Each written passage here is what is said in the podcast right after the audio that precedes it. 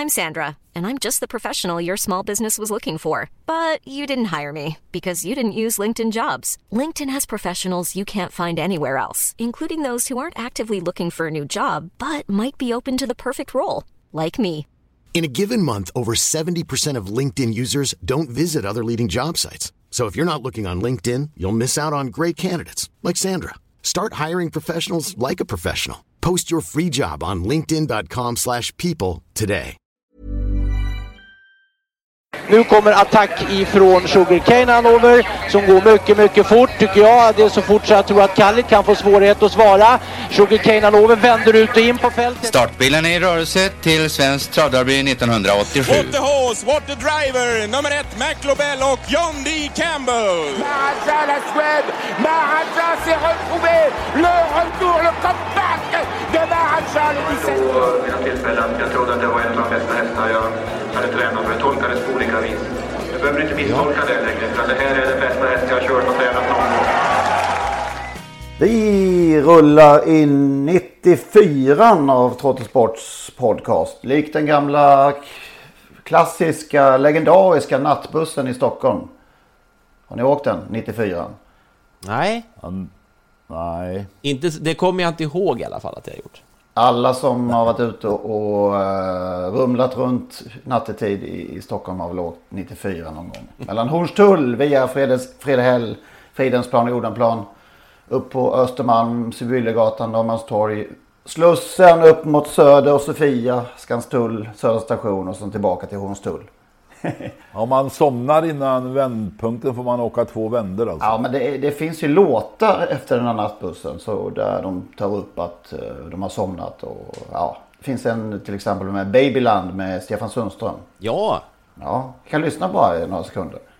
Sabina sa till mig att det inte är hennes grej Åka 94 Längst bak där satt alla som inte var så balla och inte kunde pröjsa hyra Och så finns det ju en med David Schuttrick också. Kommer du ihåg den Magnus?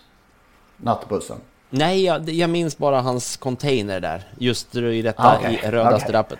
Men eh, Ja, han är en vi kan gå ut med den. ekvilibrist. Ja, Just det. Ja!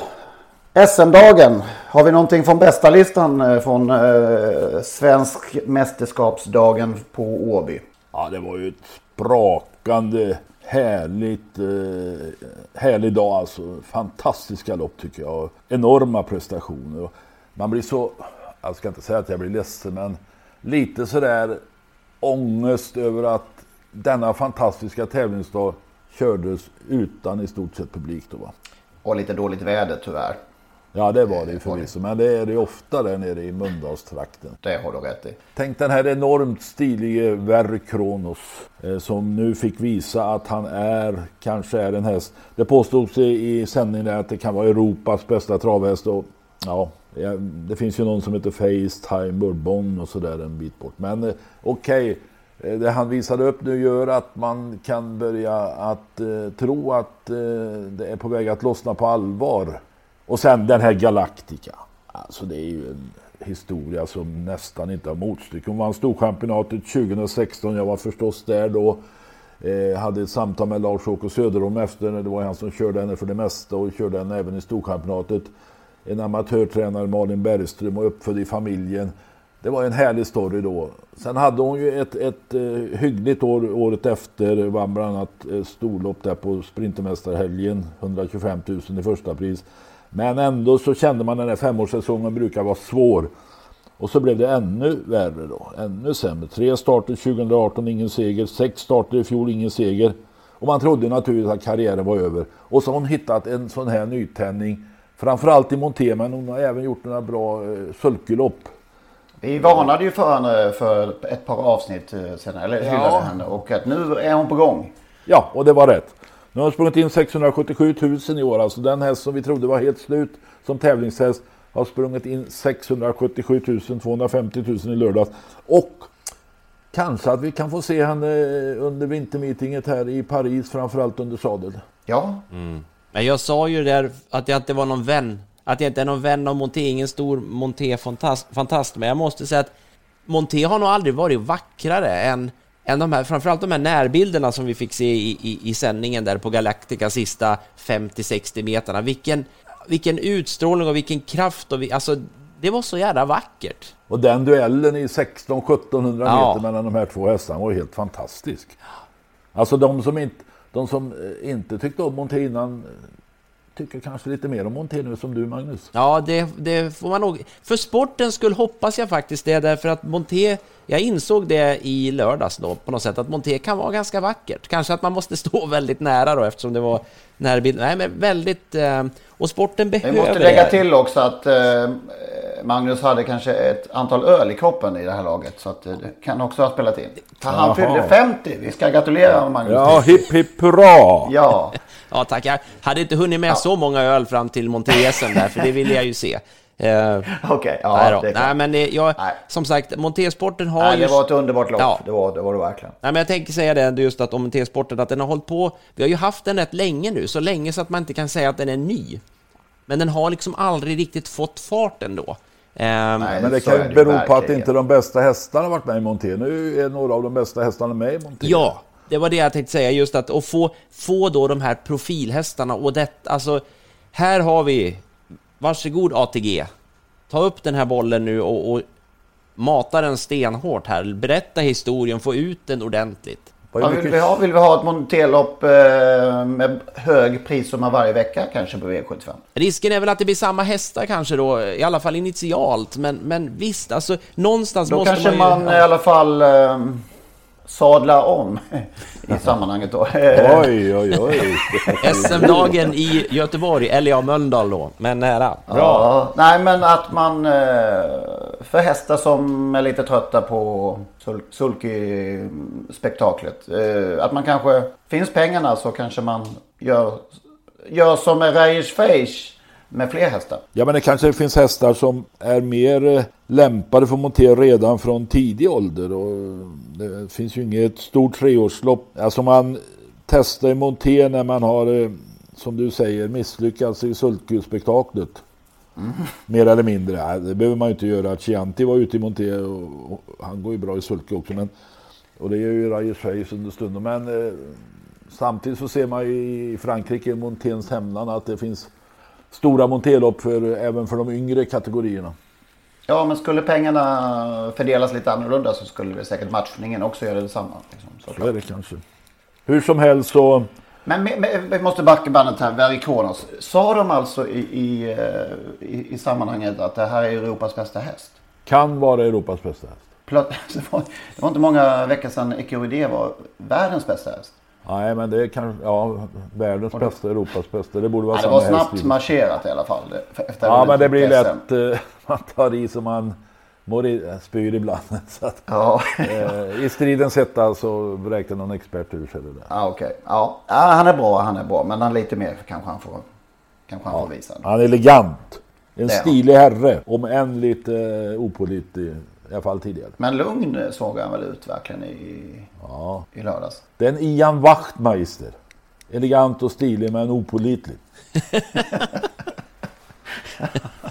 Ja, det, den kom lite oväntat den liknelsen faktiskt. Nej, det är en bra referens. Bra, Ja, men, men kan, vara, kan vara svår för människor under 35 kanske. Ja, kanske. Får googla. Ja, det får googla. Alla vet väl för fan vem Ian Wachtmeister är? Eller var? Öl, öl... eh, Han ställde sig på de här öl... eh, Ja, de hade ölbackar, ja. Han och Bert Karlsson, Ölbackar ja. heter det ja. När de skulle vara pedagogiska där, de pratade till folket. Mm. ja. Något mer från Åbyfältet? Innan vi Nej, stänger? inte från Å- Men det var väl tävlingen Rättvik. eh, Där ett par hästar av ja, eh, kända hästar gjorde comeback. Ja, det var ju det här eh, århundradets comebacklopp som vi kallar det för va? Ja. I eh, förra avsnittet. Eller har ni sett loppet? Absolut. Det var vad jag orkade göra på söndagen. Titta på trav. Nej, det var ju... eh, Det var ju häftigt alltså. Erik Adielsson eh, väntade och väntade och väntade och så vred han på och då tog Coan Perdy dubbelt så långa steg som de övriga och bara... ah, Han var totalt överlägsen. Och såg ju dubbelt så långa och dubbelt så många. Ja, Han var, han var väl, man undrade lite. Jag såg faktiskt det loppet. Eh, Jag undrade lite. Är det Europas, Europas näst bästa häst? Ja, ska han sitta där och såsa? Men han visste vad han gjorde, Erik. Och sen, ja, det var enkelt. Medan då Savör inte fick någon särskilt snäll comeback, det måste man ju säga. Han blev mycket, mycket, mycket trött. Ja, det var skillnad där. Där var det, det var verkligen olika nivå på de comebackerna får man säga. Det var ju fascinerande. Nu var det ju väldigt ojämnt lopp, det ska man ju säga, men, men som du säger där, eh, Erik såsade lite. Känslan var ju att man såg nästan ett, ett nolllopp där Erik körde det en, ett jättelöfte som han visste precis vad han hade och han körde i kringlor runt om. Ja, det, var, det var häftigt och som, nu hoppas man ju då att hästen tar loppet som det heter på rätt sätt. För det är klart att han har otroligt mycket ogjort om, om han får fortsätta se ut som han gjorde i söndags.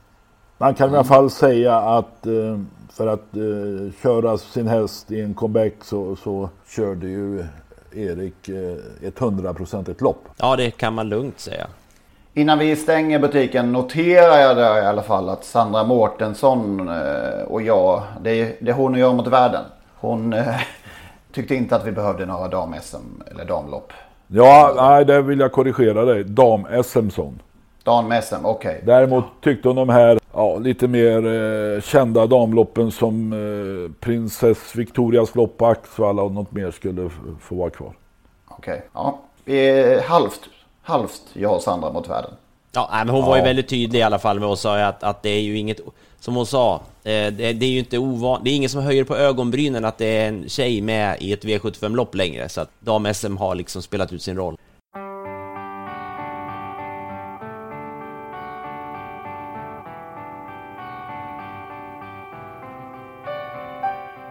På fredag kväll då eh, händer det grejer på det fina tävlingar överhuvudtaget. På Vincennes. Eh, med Europatouch får man väl säga. Och det är ju då UIT-derbyt. Eh, vilken upplaga är det? Det, är, det första kördes alltså 1985. Ja, då- kan du börja räkna att det är den 36 då kanske. Ja, så kan det bli. Så kan det bli. Eh, men ska vi ta och lyssna på vem som vann eh, det för allra, allra första? De kommer ur den sista svängen. Upp- Upploppsklockan har ringt i kriteriet och vi har ett Kalit i ledningen här in på upploppet. Ett Kalit på utsidan attackerar två skoter. Så kommer också nummer 9 Mac the Knife. Det är två skoter långt ut i banan. 9 Mac the Knife som skaffar sig greppet. Nummer 9 Mac the Knife invändigt har vi två skoter. Det här var ju ett par år tidigare från kriteriet. Men... Eh, eller ett- ett... nej, inte ett par. Ett år tidigare. Ett år tidigare blev det. Eh, och sen vann ju då alltså Mac the Knife den allra, allra första upplagan av eh, Grand Prix de l'UIT. Som är väl det officiella namnet är. Och då var Lennart Persson på plats hela veckan i Paris. Ja, inte helt, ja faktiskt. Att det var så eh, den gången att kvalen kördes på tisdag på Vincennes. Noterade vi med chock, i chocktillstånd här att de fem första åren var det på det sättet. Ja, Att kvalen bara kördes ett, några dagar innan och Ja. sen finalen på samma bana. tisdag som sagt. Eh, kvalen där, Rahat Saito, William Takter vann, Knife vann. Miss Flaxy, Örjan Kihlström. Och det var väl Örjans eh, debut i sådana här sammanhang tror jag. Och Miss Flaxy- Egentränat då. Ja, eh, dessutom en stor överraskning. Var på tisdagen som sagt. Finalen gick fy, tre dagar, fyra dagar senare på fredagen. Och där vann McDonough ganska enkelt före Roka. Torbjörn Janssons Roka som där sprang in en halv miljon av sina totalt 800 000. Pythagoras, Ulf Nordin var trea. Miss Flaxy, Örjan Kihlström. Fyra, alltså fyra svenskar på de fyra kuskar, alltså på de fyra första platserna. Sen vill jag säga att isglass, apropå vi pratar om namn. Isglass glömde vi på i. Isglass blev sexa för Veijo Heiskanen hade kört av Ulf Nordin i försöket. Och förresten efter Tarro. Då var det alltså en miljon franc, eh, ungefär samma i kronor gissar jag. Kanske lite mer i kronor till och med. Eh, och så långt var det den, eh, det mest, mesta en svenskfödd häst hade sprungit in. Var det några pompa och ståt den här kvällen? Nej, vad mörkt. Ingen, ingen feststämning? Nej, ingen, och ingen fest. Vi skulle flyga tidigt hem till Stockholm dagen efter. Kuskar och hela åbäket. Och jag var med bland dem. Jag hade ägde en häst som heter Kelso. som tränas av Olle Goop som skulle starta på lördagen på Solvalla i V75, V65 var det då. Tidig avfärd 07.00 och när vi skulle landa i Frankfurt så var det dimma, kraftig dimma så vi fick inte landa. Fick landa i Stuttgart och sen förflyttas med buss till Frankfurt för lyfta fick man uppenbart göra. Och eh, flera timmar försenad anlände jag till Arlanda. Klockan var väl tre på eftermiddagen. Och jag insåg ju då att jag kommer inte hinna till Solvalla för att om tio minuter skulle den här hästen Kelso starta. Jag rusade in i loungen där och där skulle jag inte få komma in eftersom jag inte hade rätt biljett. Och det satt massa folk och såg på någon tv-serie där så att jag, jag, med våld tog jag tag i den där tv-apparaten och, och, och swishade över till eh, SVT var väl då, Tips Extra. För att få se Kelso. Och kom just in när Kelso var på väg att vinna loppet och hon vann också. Det var snyggt. Det var snyggt. ja, det var, ja, men det var för jävligt att inte vara på plats. Alltså. Ja, det är klart. Vad, vad tusan skulle jag på detta meningslösa Europaderby att göra? Jag. Det, jag vet inte vem det var som skrev det, men någon skrev en gång i tiden att det är eh, världens mm, högst doterade uppsamlingslopp, men det är inte riktigt eh, rättvist. Utan det, det var det, väl lite så i början? Ja, det kändes så. Och det kanske var för att... Och det var ju Bo Fransson då, Red Mile på travhonden som, ja, som Det kanske var för att Alltså internet, att eh, Italien, Frankrike, Tyskland brydde sig inte så mycket. Och det var ju Stigos lopp i början. Han vann ju tre av de fyra första åren. Clash Hammering året efter McLeod då på Solvalla och sen två år senare Atlas Rocket i Tammerfors. Däremellan så var det en annan storhet som vann, Jean-Pierre Dubois med eh, Rangoon. Den läckra Rangoon. Mam, som eh, senare blev mamma till Dream With Me. Och rätta mig om jag har fel nu Anders, men jag tror att just den här Dream With Me blev något av Anders biljett in eh, på allvar i fransk travsport. På vilket vis? Jag tror att du bara lämna den här Dream With Me i träning till Anders och, och han fick fart på den. Ja. Jag kan minnas fel, men jag tar den risken. Vi vet vem som hör av sig. Vi vet ja. vem som ringer, skriver. Låt mig nämna eh, i början på den här eh, eran med Europaderbyt jag måste ställa frågan. Varför finns det ingen stoavdelning i Europa? Varför får inte ja, ston ett eget Europaderby? Så Frankrike delar ju alltid på mm. män och kvinnor. Jo, 1991. Vet ni vem som vann då? Nej. Market leader Leif Itas från ja, Rättvik. Det. det var också på Vincennes. Tvåa då. Lord Gasol, Lars G Edvinsson. Trea Prips Porter, Örjan Kihlström. Ja, det är vackert. Var du där då också? Ja. Ja, och jobbade in Market Leader. Ja, jag vet inte. Var han eh, i fara för eh, orent trav? Han nej, var ju lite... Han var ju lite... Det, nej, det var värre med tvåan i mål, Lord Gassot. Okej. Okay. Market Leader flyttades ju sen till Stig och Johansson. Mm, just det. Kan vi lyssna på ännu en upplaga. Det här är alltså 1993 va? Oh. När det körs i Rom, Valle. Vad hade du för tankar nu? Vad, hade du taktiken klar? Ja, helt klar. Jag var tvungen att svara upp allt från början för att jag ville inte inveckla mig i någon duell va, på närstridsduell med någon fransman. Jag tycker han ser rätt närgången ut här nu. Ja, det var väl taktiken att ge mig en riktig törnare från början. För han ingick ju i det här uh, Boas-stallet. Men det gick schysst tillväga var det Ja, absolut, absolut. Här då, in i sista svängen. Vad, hur har det varit under vägen? Nej, det har varit bekvämt och fint, men här gick det fort. Eh, jag tror jag hade 12 drygt sista 800. 11,5 sista fem. Och här åker bomullen? Ja, jag tänkte för säkerhets skull. Och det är den bästa fransmannen som kommer upp och försöker gå i närkamp? Ja. Jag sitter som ni ser helt still hela tiden och tittar på honom. Det gör inte han? Nej. Jag tyckte han höll på att klyva hästen va. På slutet där så satt jag och tittade på honom och jag pratade hade sina mål så att det räcker nog inte det där så. Han kom till en halv längd va men jag tyckte det var ingen fara. Mållinjen kommer och det Ina är som vanligt fantastiskt. Ja, helt fantastiskt. Med den hårda banan och allting så gör hon precis det hon ska göra. Och han gratulerar med sportsligt eh, eh, den franska kusken. Det här är väl någon, ja, dagen efter rep i någon slags TV4-sändning här med Håkan Ahlqvist. Eh, det är lite roligt. Han låter, eh, till att börja med låter han lite sliten. Han är kanske fest i Rom där på natten för, för Kjellpe. Eh, ja, det, det, var det. Roligt. Det var det ja. ja. Det, var ro, det är roligt när han sitter här i, eller när han i sista sväng säger Jag sitter som ni ser, som ni ser va, så sitter jag bara och tittar på honom va. Typiskt eh, anda. Jag var faktiskt på vägen, jag var där i Rom också. Och eh, hade en god vän med mig, Björne Lundström. Som tyvärr är bortgången. Och han, han hade spelat fotboll i AIK och var god vän med Kurre Hamrin. Vi var en vecka där i Rom. Så åkte vi och hälsade på Kurre Hamrin en dag. Eh, så att, eh, ja, den veckan var två storheter, Kurre Hamrin och Ina Skott. Mm. Ja, vann här för Bouvetier Danou, Jean-Pierre Dubois och Blue Dream, Philippe Allaire. Och sen var det ett par Dubois-hästar till som man refererar till här också. De, de, de körde i stall. Eh, men eh, som sagt, han, det gick schysst till också säger han ju i loppet. Jag sitter bara titt, som ni ser sitter jag bara och tittar på honom. ja. Vad tycker vi att det här, har, har det statusen ökat under åren tycker vi? På Europaderbyt? Ja. Nej, det kommer lite i skymundan. Det kommer en fredagkväll på Vincennes, Vincennes. Utan, nu är det utan publik, men även om det har varit öppet för publik så, det kanske det är, nej det är det inte. Eh, så hade det inte kommit särskilt många det har hamnat lite i skymundan och, och, jag vet inte vad det beror på.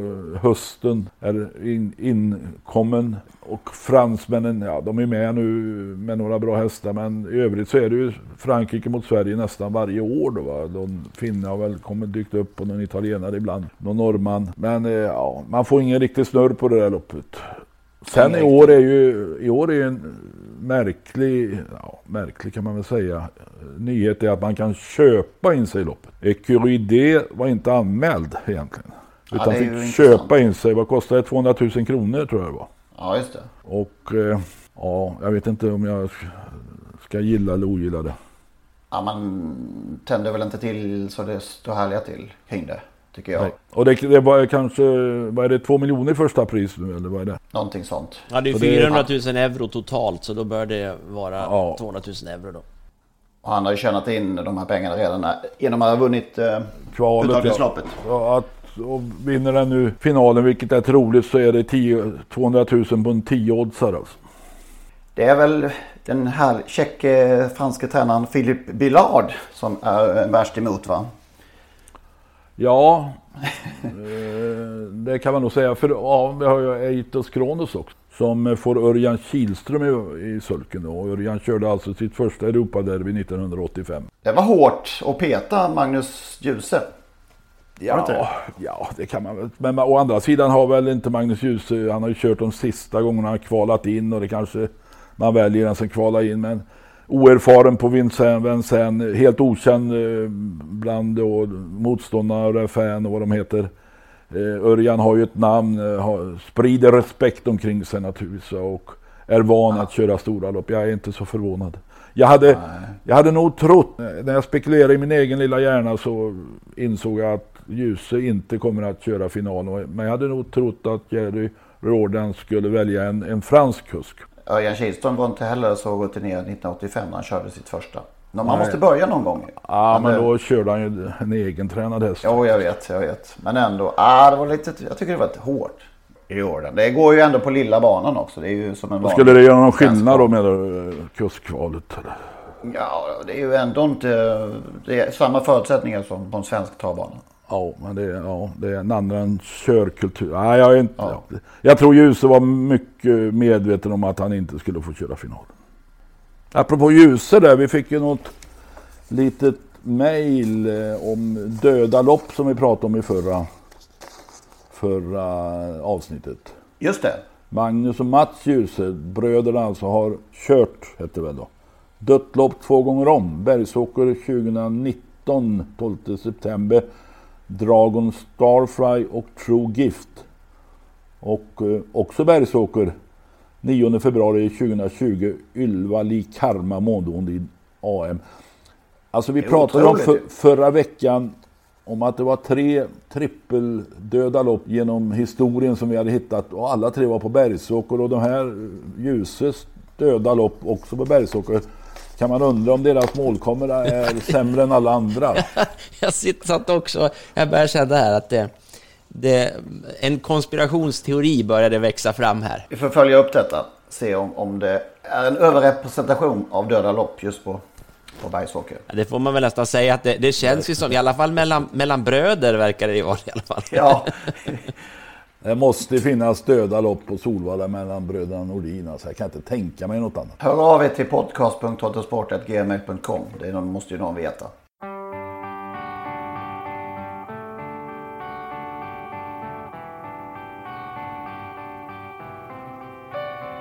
Vi har kommit fram till bokstäverna K och L i vår eh, fantastiska följetong om hästar på eh, respektive bokstav som vi gillar. Namn är det vi gillar i första hand ska vi tillägga ännu en gång.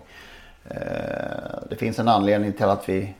en- Vissa hästar glömmer vi av en anledning och vissa hästar glömmer vi för att vi inte tycker om namnen.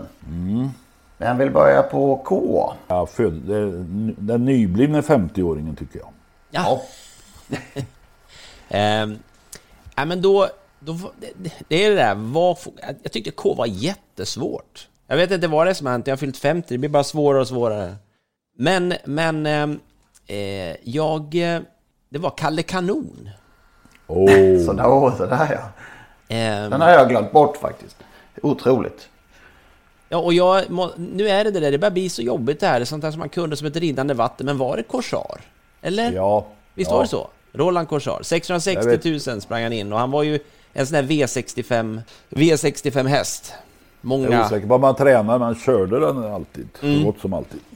Ja, och sen, eh, sen har jag en eh, som också kom efter att tänka länge, länge. Eh, så kom det en, en till. Och det var ju apropå eh, Kattis, Lundström faktiskt, Kamgarn.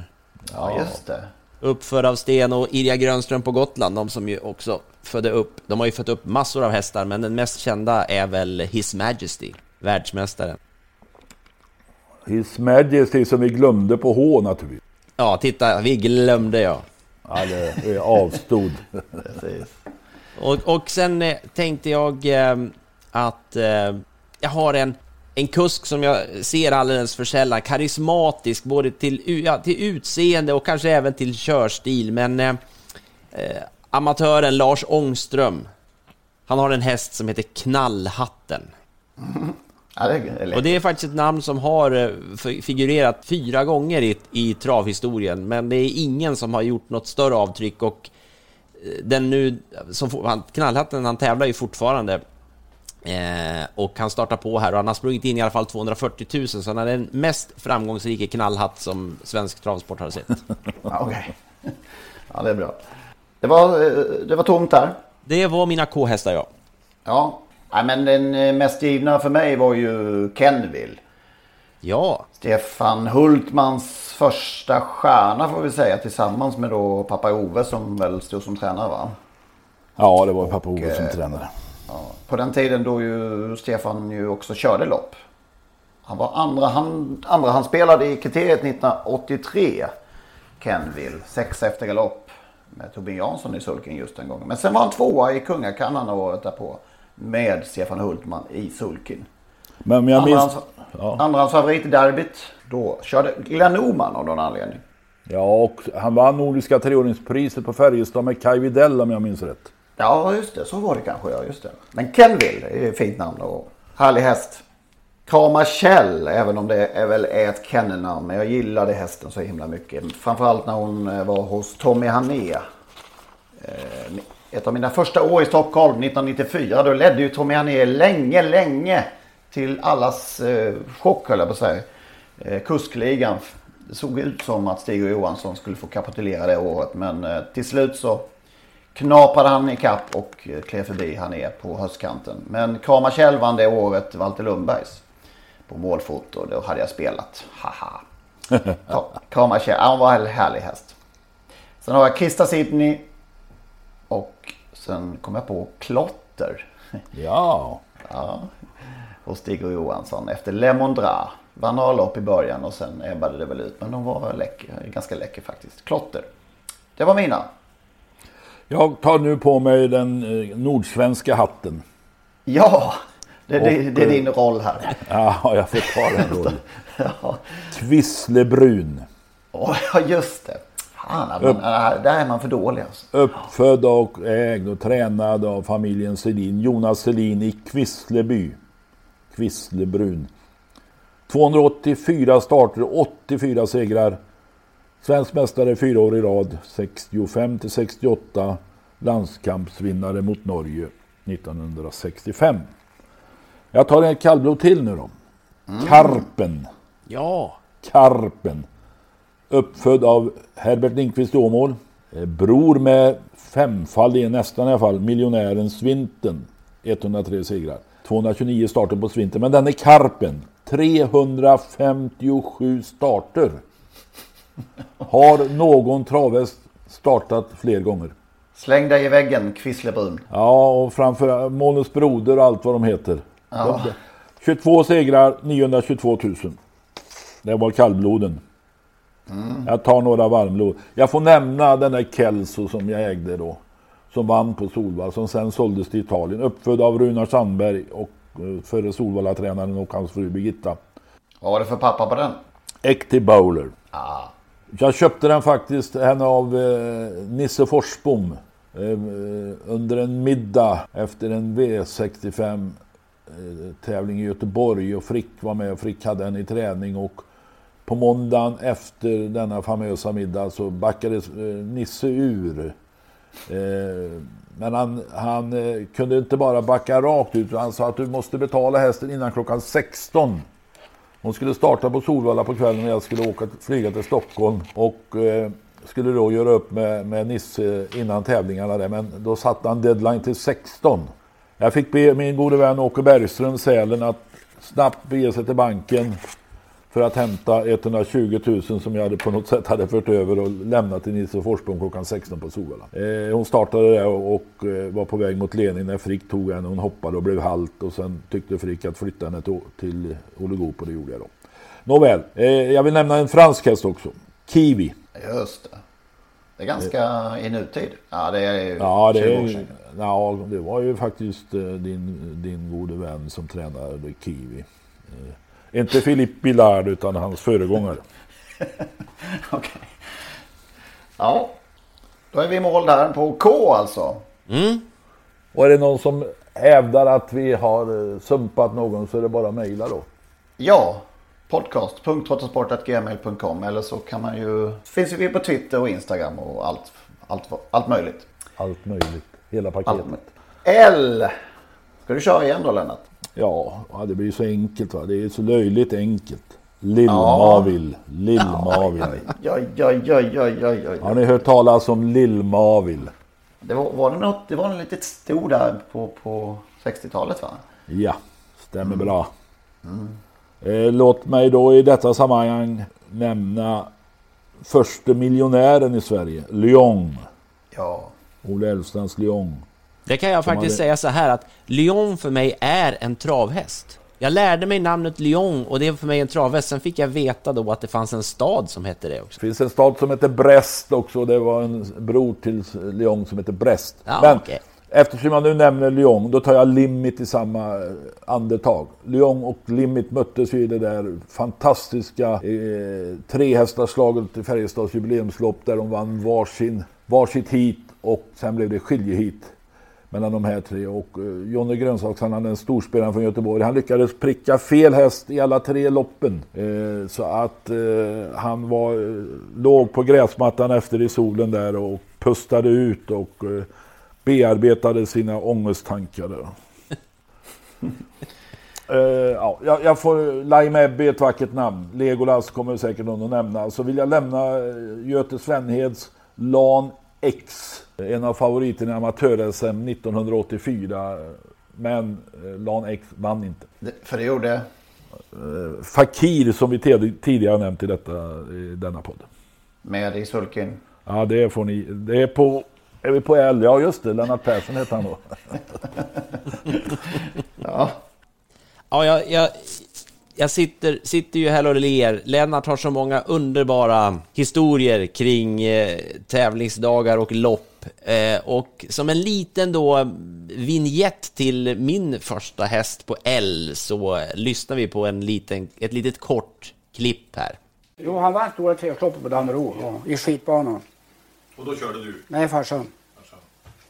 Och då sålde vi en ko och spelade de pengarna vinnare. Men vi var less på den där kon.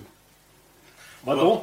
Vi hade en ko vi var less på. Jaha. Och så kom en kreaturshandlare och ville köpa den. av. Vi sålde den av och tog pengarna och satsade på plogen. Ja, det vi hörde var Kjell Elving, legendarisk hästkar som i en eh, nästan, ja den kanske till och med längre än en timme lång intervju som är gjord av Torsten Hodén och Anders Nilsson. De är hemma hos, hos Kjell och det här var 2011 och han berättar om ja, mycket om travsport och hans syn på hästar, men bland annat då så nämner han här, eh, det är hästen Ploglans man pratar om och det börjar ju på P. Men Ploglans blev sen pappa till Lanser. Hästen som hette som den såg ut. Han sprang ju med huvudet i, i det var liksom en horisontell linje från bakkärran över manke och ända ut till öronen tror jag. Så gick hästen som ett streck bara. Han var född 1971, Lancer, och han tävlade ända till han var 15 år. Och det finns faktiskt ett lopp på Youtube från 1986 när han skräll vinner loppet som hette Rekordhästen Plurus lopp.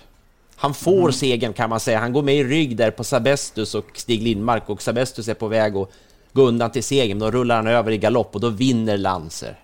Så, Som ja. 15-åring till 23 gånger pengarna. Och jag tror, alltså Kjell Elving är ju en eh, mycket, mycket verbal människa, men där i den segerintervjun har han inte jättemycket att säga. Lancer, 91 segrar, han gjorde 327 starter. Han är i närheten av Karpen, men han matchar inte riktigt Karpen. Nej, han är 30 efter om jag får påpeka. Ja, precis. Det, det var svagt. Han var inte ens nära. Eh, jag kan säga det om Kjell Elving också, det är ju en, en profil i sig då, men han, han eh, allt han säger kanske inte riktigt är, går att faktakolla och så, men han, han påstår i alla fall själv att hans främsta merit är att han har eh, över tusen segrar med egenuppfödda hästar.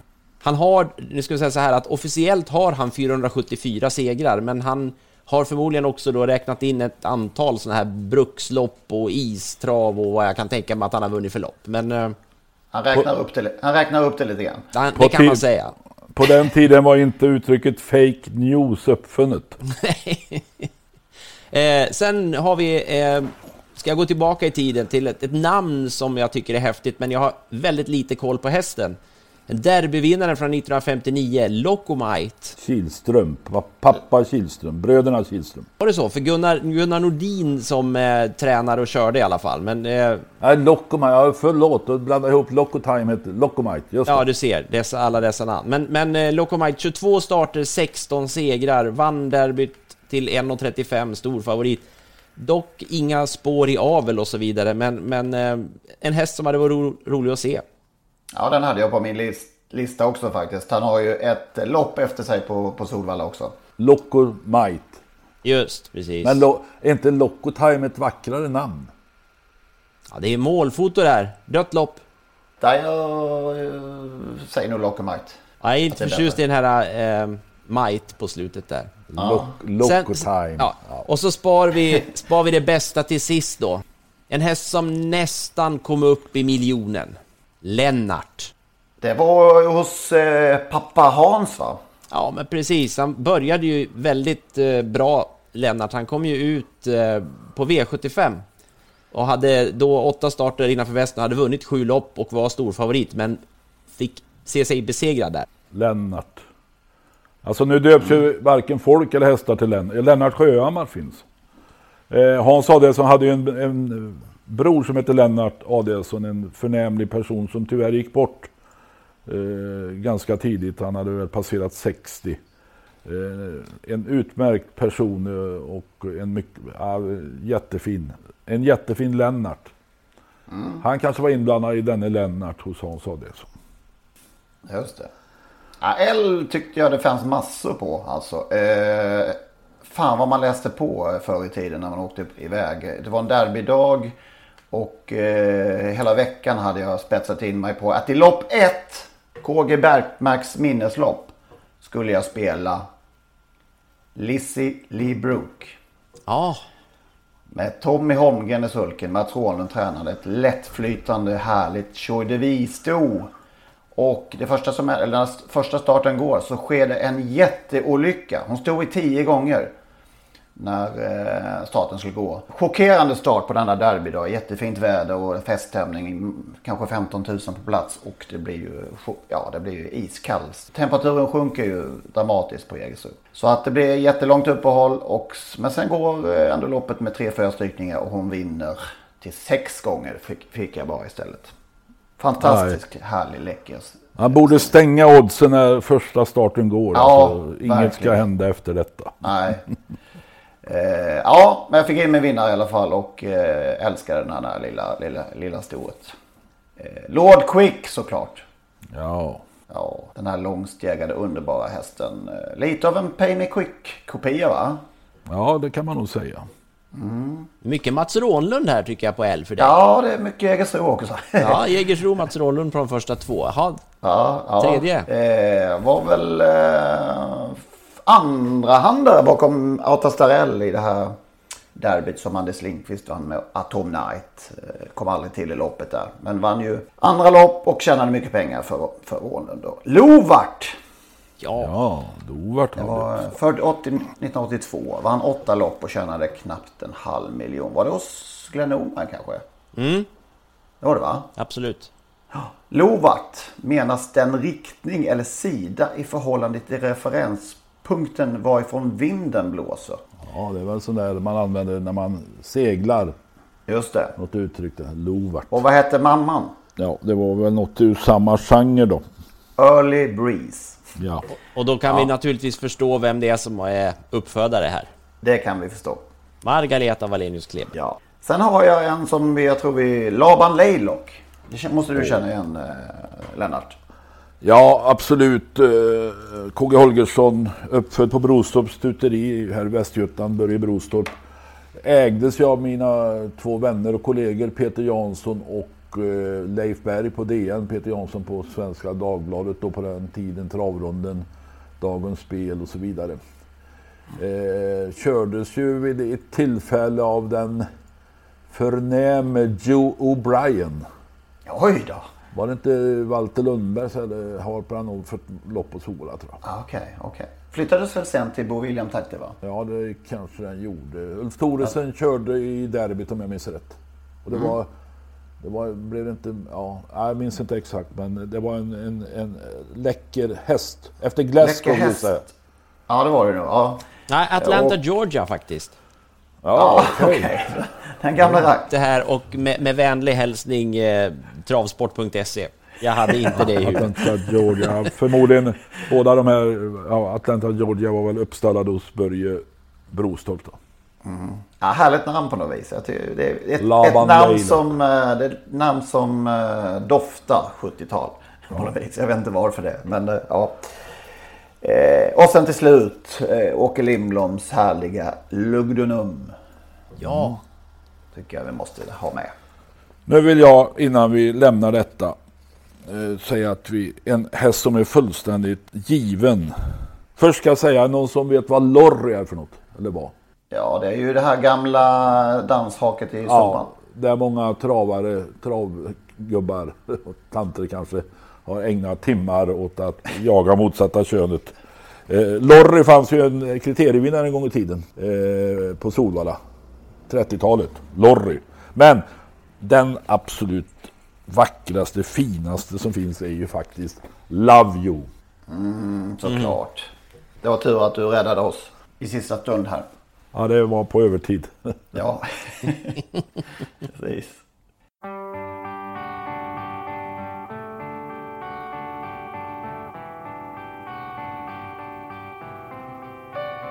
Dök upp en intressant annons här i, i, eh, i veckan eller i eh, ja, senaste dagarna om, från ett spelbolag som annonserar i, eh, på diverse ställen. Eh, intressant bildval konstaterade vi.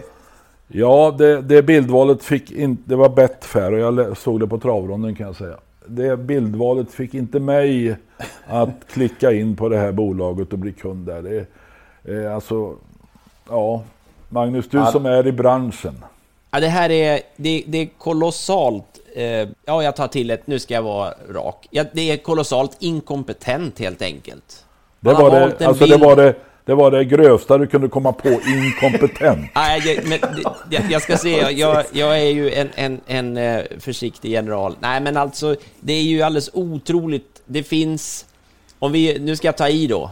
Eh, vad var det hon sa där i riksdagen, hon som räknade euro för Sverigedemokraterna? Men 400 000 miljarder tusen travbilder finns det, ungefär. Och man väljer den enda travbild som ju egentligen inte behöver spridas vidare någonsin mer, liksom dubbeldopat eh, Elitlopps... Elitloppsfoto. Det sjukaste är när jag kom, kom jag på nu att den, det är inte första gången den har använts i, efter, efter det inträffade. Vi kan säga att det är Jag de Belöe, Ja- Jag de Belöe och Let's Go som strider om segern. Som senare då blev diskad för do- doping. Ja, det är den största, största skandalen ja, efter Soldado kanske genom tiderna i Sverige. Ehm, Men, men visst har den förekommit tidigare också? Man har reagerat så här. Ja, ja det är mär- märkligt att den Ja, inte... alltså, det är Att den- fan en reklambyrå just kan pricka in den bilden. Och den som äger bilden, hur kan den sälja bilden? Ja, det är många, många frågor. Och hur kan man släppa in Betfair att, göra, att utmana ATG i travsportens egen tidning? Där kan man ju flika in en grej som, som jag faktiskt glömde ta upp förra veckan där. Det är ju också att även Svenska Spel har ju eh, haft annonser nu då i, i travronden för, för sitt eh, samarbete med det här Quinté då. Och där hade man ju förra veckan en bild på en aktiv, jag gissar att det är en monterryttare som sitter och håller på och, som jag i alla fall uppfattar det, spelar. Och det kanske inte heller är jättebegåvat att aktiva sitter och lirar. Det, det är kanske också signalerar att Svenska Spel inte riktigt har... De borde kanske känna till det här, för de har ju ganska hårda regler i alla andra sporter, men, men att aktiva kanske inte ska ägna sig åt speldelen av, av, av sporten. Hur ser det ut då? Hon sitter i, i tävlingsdress och sitter framför datorn och ska spela. Ja, hon sitter med sin telefon utanför ett stall där och eh, det finns något Ah. citat där om hon... Om, jag är lite osäker på vad, vad är som märkligt. sägs där, men, men det är ju eh, lite märkligt. Jag tar inte i här heller Lennart, men lite märkligt kan jag tycka att det är. Jag läste just idag i DN om en eh, styrelseledamot i Östersunds fotbollsklubb som har spelat 50 spänn på någon eh, kombination där på fotboll det, eh, ihop med någon kompis. Och han, han det är ju inside då tydligen. Så han fick ju, blev ju avstängd i en månad. Mm. Avstängd från vad? Ja, han får inte jobba i styrelsen på en månad. Skitsamma då. Men eh, man tar det ju uppenbart på allvar. Vä- väldigt stort allvar. Och det är klart att eh, välja en sån bild är också ytterst märkligt. För övrigt så kan jag säga att jag gillar Quinté. Ja, det är ditt ny... Du är hooked. Du är hooked. Nej, men jag, i alla fall när det är trav så, så ägnar jag några minuter åt att titta Eh, på det, eller för, ja, läsa på lite om det här loppet. Eh, och sen kanske jag som igår spelade för några kronor och fick några kronor tillbaka och får då ett väldigt vänligt mail från Svenska Spel där de gratulerar mig till vinsten trots att jag hade förlorat en del. Men jag fick in tre av de där fem hästarna. Eh, ett format som passar mig. Det är, man kan ägna några minuter åt att förbereda det där. Läsa på lite, titta på lite tips i Frankrike. Sen tar det tre, fyra minuter och sen är den speldagen slut. Eh, alltså jag tittar aldrig på lunchtrav, det kan jag erkänna. Spelar aldrig på lunch, aldrig någonsin. Eh, jo, kanske någon enstaka gång, ursäkta. Men eh, det här passar mig bra, alltså, nu är det slut va. Jag kan spela för 120 spänn eller 240. Och det är för mig ofattbart, fortfarande ofattbart, varför ATG inte valde den här spelformen före det där Top 7. Alltså här, eh, folk gillar att vinna eller få pengar tillbaka, eller nästan pengar tillbaka. Och här finns det då så många olika möjligheter att vinna som igår när jag hade tre stycken. Tyvärr hoppar då eh, någon häst där i mål som tvåa, det hade gått ännu bättre. Men det räckte att få in tre stycken eh, bland de fem då på min kupong. Liksom. Jag gillar det. Måste, jag säger det. Jag gillar det. Hur fanken gick det till när ATG tappade den här möjligheten att samarbeta med PMU? Men här, är det här också en sån här em, så kallad affärshemlighet? Vad Svenska Spel eh, omsätter då? Vad bidrar vi svenskar med? Det, det får vi inte veta va? Är det succé? Nej, det tror, nej, det tror jag inte det är. Men det tar väl tid att jo- jobba in det där. Och de, har lite taffligt. Eh, sajten är lite tafflig och sådär. va. Och så, eh, en, eh, en referent som jag tycker är bra på engelska men det kan ju också stöta bort folk. Va? Eh, samtidigt så eh, Eh, känns det ju tryggare att lyssna på den här engelsmannen än när någon på ATG Live försöker att eh, springa ifatt sig själv.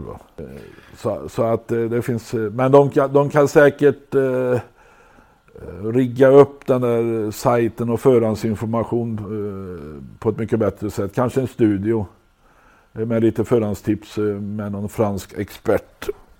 Eh, Men de, de känner väl sig för. Alltså om ATG hade fått det här hade de kunnat gjort det mycket bättre naturligtvis med, med, sina, med sin studio som finns på lunchen och om man nu vill ha det på lunchen.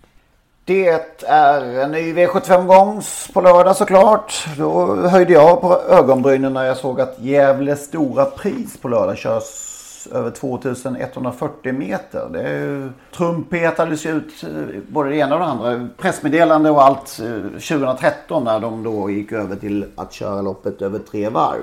Och då ställde jag frågan till Mattias Gustafsson, sportchef på Gävle igår och eh, hörde hur detta hörde ihop. Han svarar då att han hade, vill, han hade helst velat köra över 3140 meter auto som det har gått de flesta åren eh, på slutet. Eh, men kanske jag är för feg, säger han.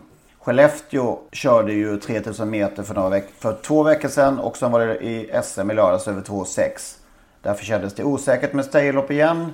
Men det kanske hade gått, ställer han till och med en fråga. Så därför körs det över 2140 meter på lördag. Hade det gått med tre, tre veckor i rad över lång? Ja, det måste det väl kunna göra. Sen vet man ju, ja, det är ju naturligtvis så att, hur hade listan sett ut, men eh, det är ju inte många av dem som är med på lördag som, som eh, har varit med i de här loppen som, som du nyss nämnde. Så att... Ja, det, är, alltså, det- det finns ju ingen som hade ja, det, som startar nu som var med i lördags i SM på 2640 meter. Nej. Han, var, han sa ju själv att han var feg. Ja, och lite osäker då. Det är ju ödmjukt att att ställa... bo- Ja, Det visar ju att frågan, Mattias liksom. i alla fall har tänkt. Ja. Och det tycker jag att man alltid ska premiera. Det är inte alltid det blir Mm. rätt när man tänker, men det är bättre att man tänker, tänk före, efter. Så, så tror jag. Tänk efter före, förlåt. Så sa min, min bästa lärare som jag någonsin haft, en mattelärare, Per Wallin, som inte finns längre. Men tänk efter före. På, hans problem då tycker jag såklart då är att inte eh, Gävle har ingen fast dag på hösten som de har i maj då med Prins Daniels lopp där. Ja, Eh. Så ibland så ligger de efter SM och ibland har de legat efter Åby Stora Pris och eh, ja, det blir lite rörigt. Mm. Så att eh, det, är svårt, det är svårt därav. Men eh, våga nästa år då säger vi. Ja. Hälsar vi. Helt enkelt. Vem vinner på det här då? Gävle Stora Pris. Ganska öppen omgång överhuvudtaget va? En kul omgång. Ja, eh, det får man nog lov att säga och just i det här loppet så nu fick ju Milligan School ett väldigt bra startspår och eh, mm, häst Jag blir inte hästen klok på den här Milligan Skolan. Nej, alltså. han gick bra senast tycker jag. Från, från dåligt läge utan rygg sista 700 i, i tredje spår. Eh, Jag tror inte det är någon som helst fara med, med formen och eh, sen har han utvändigt om sig startraketen from the mine där som jag tänker häst mot häst så kanske han kan svara ut honom och skulle han väl göra det så då vet jag inte riktigt om det är någon som kan rå på honom där. Nej. Men det är en kul, kul eh, debut där, eller debut, ja debut i, i guld definitivt, men den här Hachiko de Veluve, Timo Nurmos, numera sexåriga löfte, som som så många andra Nurmos-hästar inte har gjort så många starter, 13 starter, 11 segrar. Ehm, det blir kul att se vad den gör när den eh, ställs mot det här motståndet. Spännande anmälning i alla fall. Mm. Sen har vi Heavy Sound där. Men... Nej, men där finns det, det tror jag, det blev ett lite knepigt läge där, får se vad Kenneth hittar på därifrån då, men, men, ehm, mm.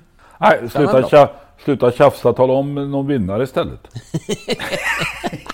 Nej, jag, jag, eh, jag har ju kommit rätt på Milligan School en gång i livet och det var en bra gång. Jag, ja, den här gången tror jag, och hoppas att jag kommer rätt, jag tror att det här vinner Milligan School. Ehm, sen, ehm, sen vet jag inte, jag, jag vill nog lyfta ett varningens finger, en av de absolut värsta, ett av de värsta floskeluttryck som finns kanske, men, men i V75 6 där, eh, Cyrano Dubé, spår 11 över just då 3140 meter.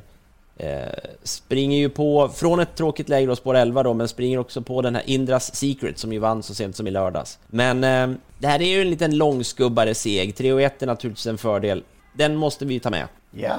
Och eh, mm, sen eh, i, i sista där, där blir väl sannolikt Vagabond B jättestor favorit. Och det kanske inte alls är något fel i det.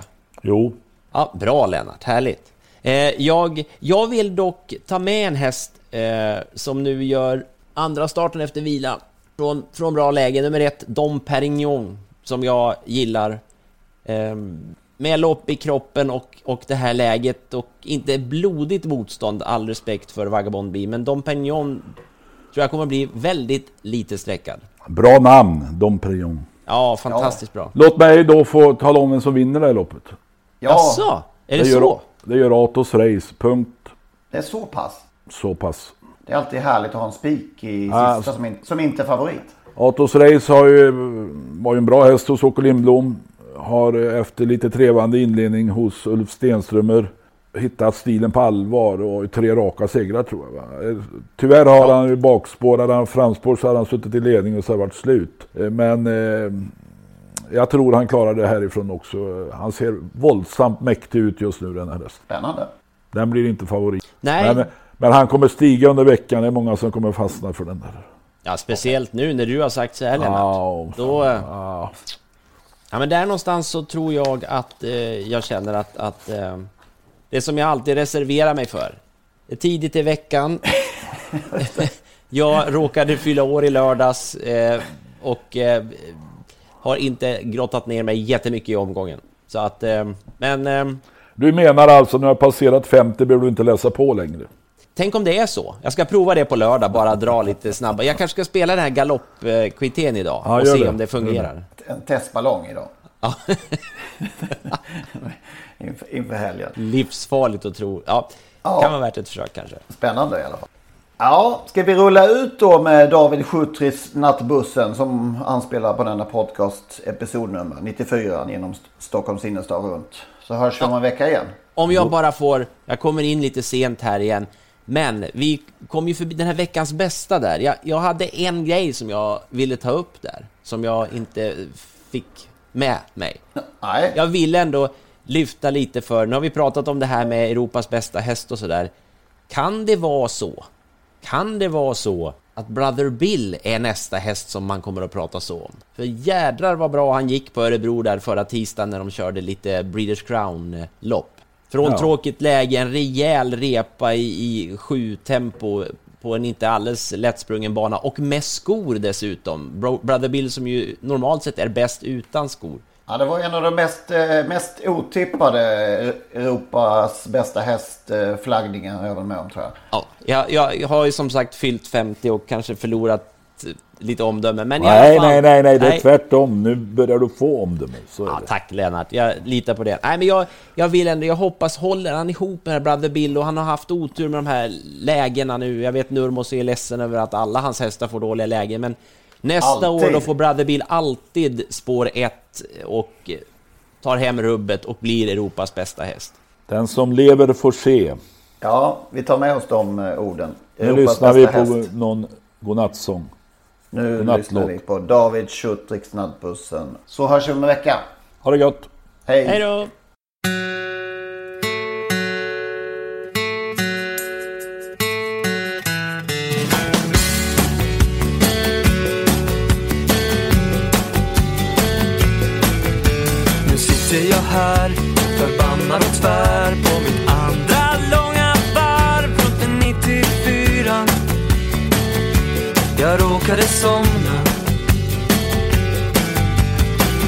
Bredvid berättar sitt liv för en tjej som skulle spy om hon lyckades blunda. Hon sitter och nickar.